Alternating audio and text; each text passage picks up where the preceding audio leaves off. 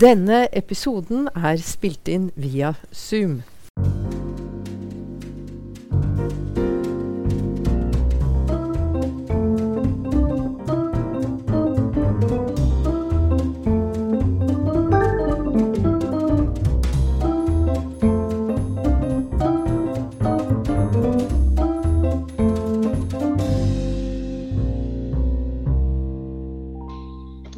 Navn er Berit Reiss-Andersen, og jeg er programleder for Advokatforeningens podkast Fri prosedyre.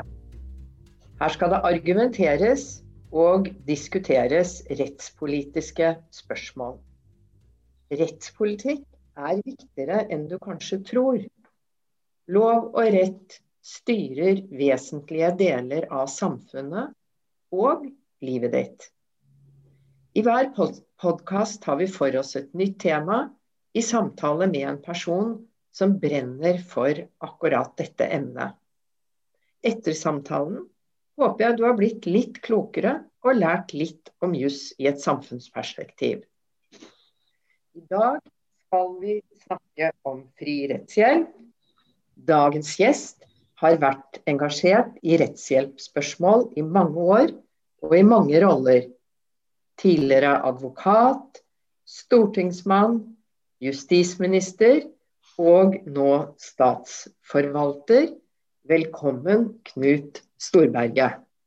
Takk skal du ha, veldig koselig å være med. Men du, hvorfor er du så opptatt av rettshjelp? Ja, jeg føler jo at rettshjelp har prega hele livet mitt på mange måter. Og, det er jo litt typisk for rettshjelp. Det er jo det, noe som følger oss egentlig fra vogge til grav, enten vi er klar over det eller ikke. Alle de rettighetene som berører oss, jeg ser det min nåværende jobb. At det er, det er liksom ikke den fase av livet og den situasjon som ikke berøres av et behov for å få kunnskap om hva slags rett du har, og også hjelp til eventuelt å få den retten.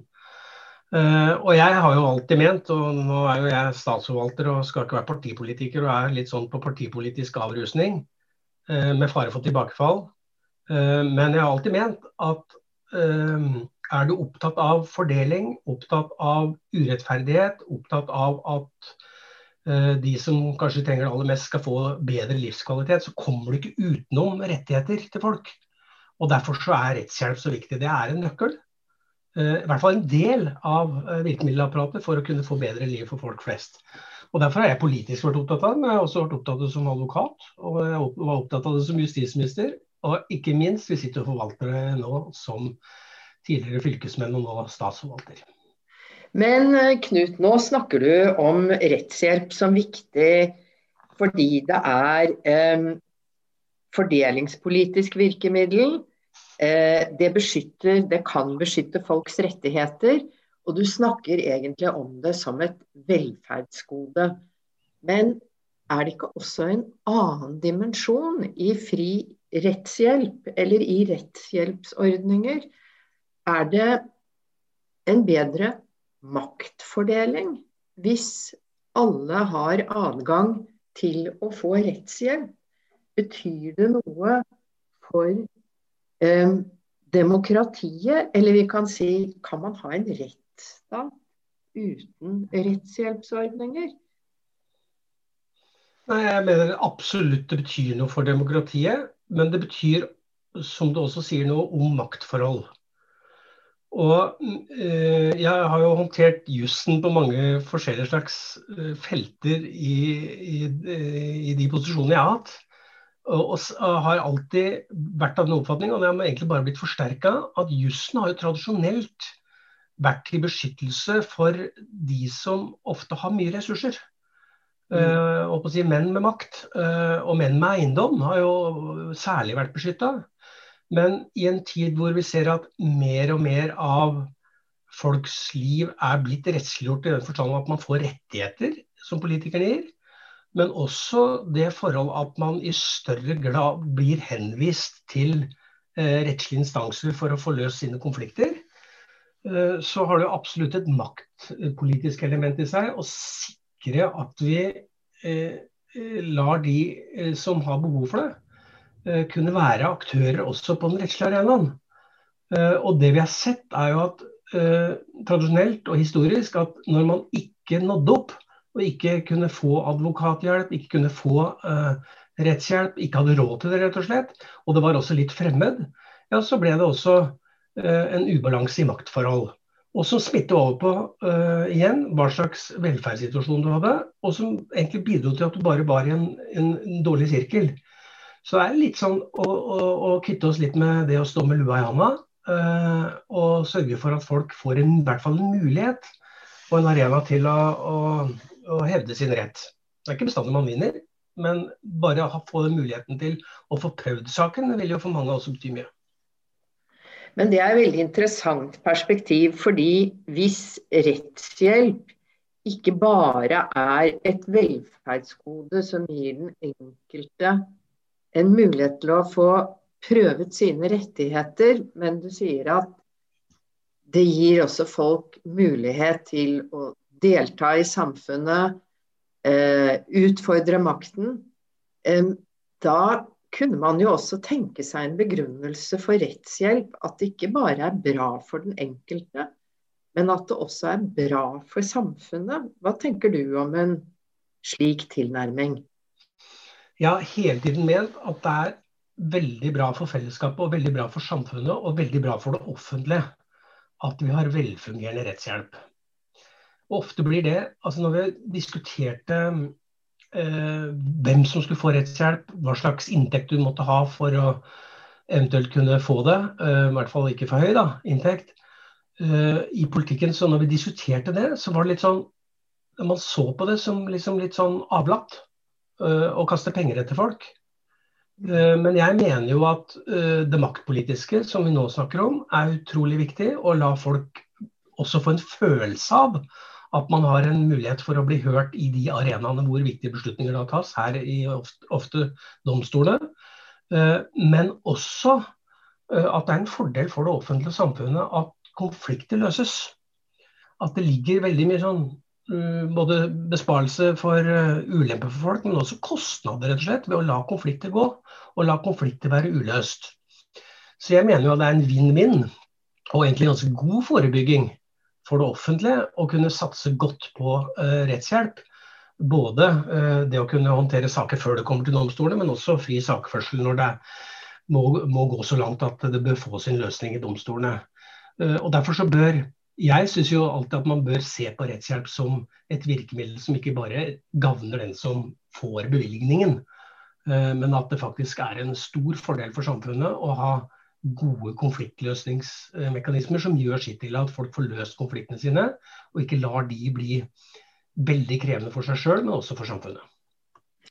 Men da kan man jo si faktisk at rettshjelp er ikke bare en utgiftspost til folk med dårlig råd, som skal kompensere at de har dårlig råd når de har et rettshjelpsbehov, men at det også er en investering i et velfungerende samfunn.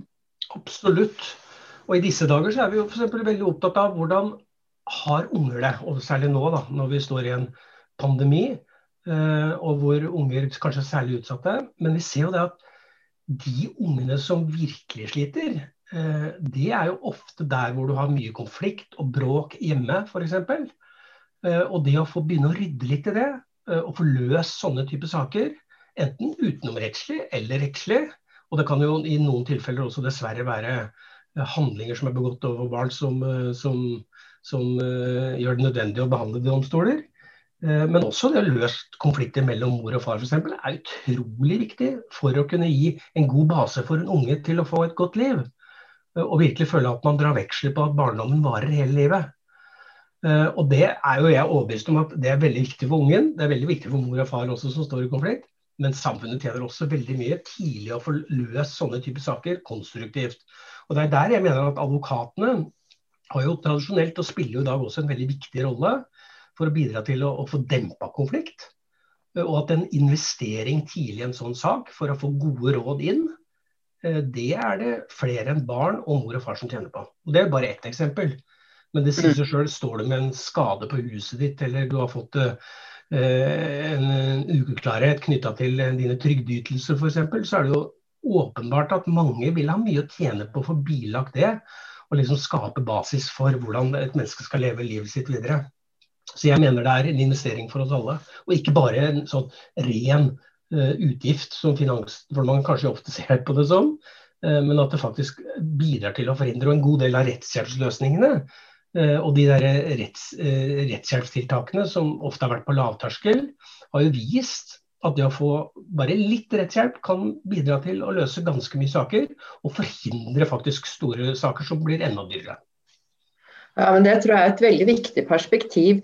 Men du sier at det er um Finansdepartementet som kanskje ser på dette som en utgiftspost, men jeg er vel redd for at det ikke er så mange politikere som er så glad for å reise fri rettshjelp som en fanesak. Det er mange som sier at dette skal vi se på, men eh, det er vel et område som politisk har vært ganske stillestående de siste årene. Hvordan ser det ut fra en politikers ståsted, dette her? Ja, tidligere politiker. Uh, uh, altså jeg, uh, jeg, har jo undra meg mange ganger over at, at ikke en del politiske krefter, både på høyre side og på venstre side, må jo snakke sånn nå når du er statsforvalter, ser på dette Eh, som et utjevnende tiltak. Og også som bidrar til å forebygge, som jeg var inne på i sted. Eh, og det er litt rart at man liksom eh, ser på dette egentlig bare Noen velger jo bare å si at dette handler om å øke advokatenes lønninger og gjøre det feitere å være advokat. Og vi er veldig lite nyansert i forhold til det. For vi vet jo at for det første, de advokatene som jobber veldig mye med fri rettshjelpssaker, er jo ikke at de som i dag stikker av med de store eh, gevinster når det gjelder lønn og inntekt. Eh, og vi vet også at mange av disse eh, som gjør en veldig god advokatjobb ute i både byer og distrikter, eh, bidrar til å, å faktisk hjelpe mange for ganske rimelige beløp. Og Det er derfor jeg har ment at dette burde egentlig fått større politisk oppmerksomhet. Og særlig syns jeg politikere generelt burde ha vært mye mer oppmerksom på det, også meg inkludert. Fordi at politikerne sjøl har jo skissert på mange måter rettslige strategier og rettslige måter å løse konflikter på eh, som nærmest det eneste saliggjørende i en del områder. Og rettsliggjort mange standarder som man, man måtte ha løfta bort fra politikken og sagt dette for domstolene ta seg av. Uh, og man har også uh, valgt å, å, lage ganske uh, både kronglete og lite tilgjengelige prosesser for folk som skal løse sakene sine, møte, i møte med det offentlige bl.a. og da må man også være villig til å stille opp med de virkemidler som skal til for at også vanlige folk skal kunne håndtere, håndtere denne type prosesser. Det var nok litt enklere før, uh, når man sto i saker og man fikk løst det kanskje med, det, med den kontakten man hadde med det lokale offentlige apparatet. Mens i dag, hvor man både må i nemnd og i, i rett for ofte å få løst sin sak, så, så krever det en annen innsats. Og det syns jeg nok at det politiske miljøet må være mer oppmerksomme på. Det bidrar i hvert fall ikke til at det blir også dette er jo også en forpliktelse som staten har etter menneskerettighetene. Å sørge for at folk har adgang til domstolene hvis de trenger det. Og det betyr jo veldig mye. Både at du skal ha den mekanismen tilgjengelig, du skal også ha råd til å gå dit. Er det et perspektiv som diskuteres i politiske miljø? at dette er en grunnleggende forpliktelse staten har overfor borgerne? Jeg tror at det er man Det er ikke det første man trekker fram, for å si det pent. Uh, og det Nå snakker jeg bare fra min erfaring, både i Justisdepartementet og i Stortinget. Uh, så var ikke det, det var ikke det du fikk spørsmål om i spørretimen, for å være helt ærlig. Uh, og folks bekymring når det gjaldt menneskerettighetsaspektet i det, og access to court, eller adgang til rett, det det må jeg si eh, glitret med sitt fravær. Eh, og så er det jo sånn at én eh, eh ting er liksom de menneskerettslige standarder eh, og hva som skisseres opp, men vi ønsker jo ikke eh, oss tilbake til et samfunn hvor det er noen som aldri kommer i posisjon til å få fremma sin rett. Mm. Mens det er en klasse over dem som alltid får det. Og Derfor så mener jeg at dette er viktigere enn noen gang at vi har søkelyset på. Og at vi bidrar til, og særlig i de sakene som berører vanlige, vanlige, vanlige folks store utfordringer. Det handler ofte om livets sak. Hvis du har en sak som skal for domstolen, for en vanlig familie f.eks., så er det liksom nesten en gang i livet. Og hvis du f.eks. har en barnefordelingssak, så er det jo katastrofalt. Hvis det er sånn at én av partene f.eks. får fri rettshjelp, og den andre får det ikke. Fordi at man har for høy inntekt for eksempel, og kommer akkurat over en eller annen inntektsgrense. Mm. Og rett og slett blir avskåret fra å bringe saken sin til retten fordi at det er ikke mulig ut fra uh, det lønnsnivået han er på, å kunne dekke de kostnadene som, som følger med. Slik at det, er jo, uh, det kan jo uh, for mange ha ganske skjebnesvangre konsekvenser, og det er det all grunn til å ha politisk søkelys på. Ja, og det gir jo en veldig ulik maktbalanse når den ene har tilgang på rettshjelp, den ene parten i en konflikt, og den andre parten ikke har det. Og det er vel den sivile sakstype som dominerer domstolene mest i dag, er vel nettopp saker som gjelder spørsmål om barn etter samlivsbrudd, hvor barnet skal bo, hvor mye samvær og de spørsmålene der. Men jeg tenker på den forferdelige ulykken som har vært i Gjerdrum. Det er jo også en sak som utløser et hav av rettslige spørsmål. Eh, og særlig i forhold til forsikring og de som har fått skadet sine hus og hjem og må forbli aldri kan flytte tilbake, de får jo et forsikringsoppgjør. Men man kan jo tenke seg utrolig mange ringvirkninger av dette. F.eks. folk som har boliger to til tre kilometer fra rasstedet Eh, boligen er intakt. Eh, noen sier at det er trygt, andre er kritiske. De tør ikke bo der, eller de kommer aldri i overskuelig fremtid til å kunne selge boligen sin for det den var verdt før. hva slags hjelp vil uh, denne type katastrofe, altså er den dekket av rettshjelpsordning i dag, hvis det er mennesker som tjener, la oss si 300 400 500 000 og kommer i en sånn situasjon? Det er jo, slik jeg husker det, ikke, ikke spesielt nevnt og, og dekka. Eh, men det, det, er jo som du sier, dette eh, og katastrofer av denne type art er jo så skyggene, Og den berører jo alle typer rettighetsforhold enn et menneske kan egentlig tenke seg å få, nesten. Uh, og det gjelder jo liksom basisen i livet ditt. Det gjelder familien din, det gjelder huset ditt. I noen tilfeller også muligheten for å, å kunne delta i yrkesliv og, og, utdanning også. Og også selvfølgelig omsorgen for barna. Så dette er jo veldig sånn gjennom, uh, gjennomgående i forhold til menneskers velferd og liv. Og jeg skulle ønske meg, jeg ser jo det som statsforvalter, vi sitter jo og behandler en del av, av de rettshjelpssakene som, som, kommer inn og skal innvilge og sånn. Og jeg skulle nok ha ønska meg at vi i større grad hadde en mulighet for å kunne uh, bruke noe skjønn. Uh, og da særlig inn mot sånne type alvorlige situasjoner. Nå vil jo noen få rettshjelp antagelig fra forsikringsselskap og you name it.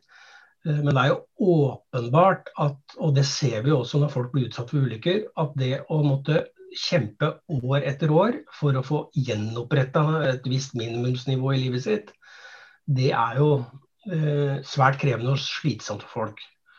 Så eh, noen ganger så kan man jo drømme om at vi får en rettshjelpslovgivning som bidrar til å kunne åpne opp for noe mer eh, fleksibilitet. Eh, og ikke så absolutte grenser. Eh, og det vi snakka om i sted i forhold til det å være i ubalanse, én part har og en annen part ikke har, det er jo også sånne tilfeller vi gjerne skulle ha sett at vi kunne ha hatt mer fleksibilitet i systemet, slik at vi sørga for at det ikke ble så steile fronter og så, så absolutte krav som gjorde at uh, folk, folk, rett og slett faller utafor. Men du, hvis man har eh, for sjenerøs rettshjelpsordning, så er det mange som vil hevde at da blir vi en nasjon av kranglefanter som løper til advokat og domstol for den minste ting. Hva sier du til en sånn påstand? Ja, men Det, det syns jeg er bra du løfter fram, for det er et viktig spørsmål. og Jeg er opptatt av det. Jeg har vært advokat i ti år.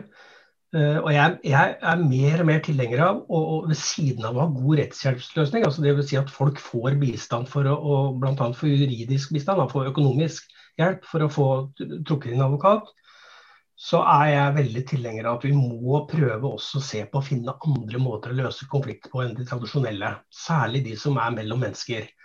Eh, eh, og gjelder mer sånn familiære forhold, mer hverdagslige forhold, eh, så syns jeg nok at vi har en jobb å gjøre for å utvikle bl.a. de konfliktmekanismeløsningene vi har, sånn som konfliktråd. Vi har fått det inn i strafferetten med i større grad diskusjon knytta til barn og unges kriminelle handlinger. Lære oss å bruke den type mekanismer. og Det vil jo prosessuelt, liksom. Prosessen vil bli mindre, og man vil kanskje få rimelige løsninger. Men jeg mener også man vil få løsninger som man i større grad får eierskap til. Så det, er en veldig viktig side av denne diskusjonen. Det, eh, altså, vi må ikke fortape oss i bare å tenke kroner og øre. Men vi må tenke også har vi konfliktløsningsmekanismer som, som gjør sitt i at folk føler at dette ble en god prosess. dette dette går jeg for. Dette, ok, det ble ikke akkurat sånn jeg sjøl ønska det, men vi, jeg fikk sagt det jeg ønska osv. Uh, og Det er en veldig viktig del av dette. Det er litt sånn som Nils Kristi liksom sa, å bringe liksom konfliktene tilbake til folket også. Slik at man uh, får hånd om det. Slik at Vi skal ikke bare tenke løsninger inn i de mer etablerte domstoler, vi må ha det også. Men vi er nødt for å se på finnes det andre måter å løse konflikter mellom mennesker på. og Det finnes det. og Der er vi på langt nær ferdig i Norge, selv om vi på enkelte felt faktisk ligger litt foran.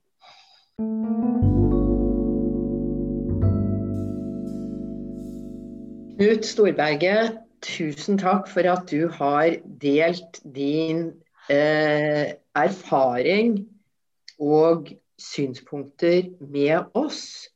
Jeg har et siste spørsmål til deg. Jeg har bedt deg tenke ut ett ord eller én setning som betyr noe viktig for deg. Hva er det? Det er en setning uh, som jeg ikke har skrevet sjøl, men som Arnulf Øverland har skrevet. Uh, og som jeg har lyst til å si at det har betydd veldig mye for meg.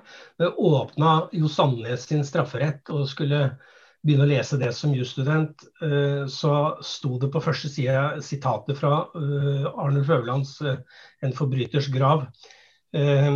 og Der skriver han en gang var du et barn. Du smilte mot lampen når den ble tent. Grep etter lyset med ørsmå, ivrige never det er eh, en setning som jeg liksom aldri Den bet seg fast i meg. Eh, og den gjelder jo både de som trenger rettshjelp, men det gjelder i aller høyeste grad de som havner litt utpå, gjør gærne ting. Og det er viktig budskap til oss alle om at uh, en gang var også den alvorligste forbryter et lite barn. Takk skal du ha, Knut Storberget.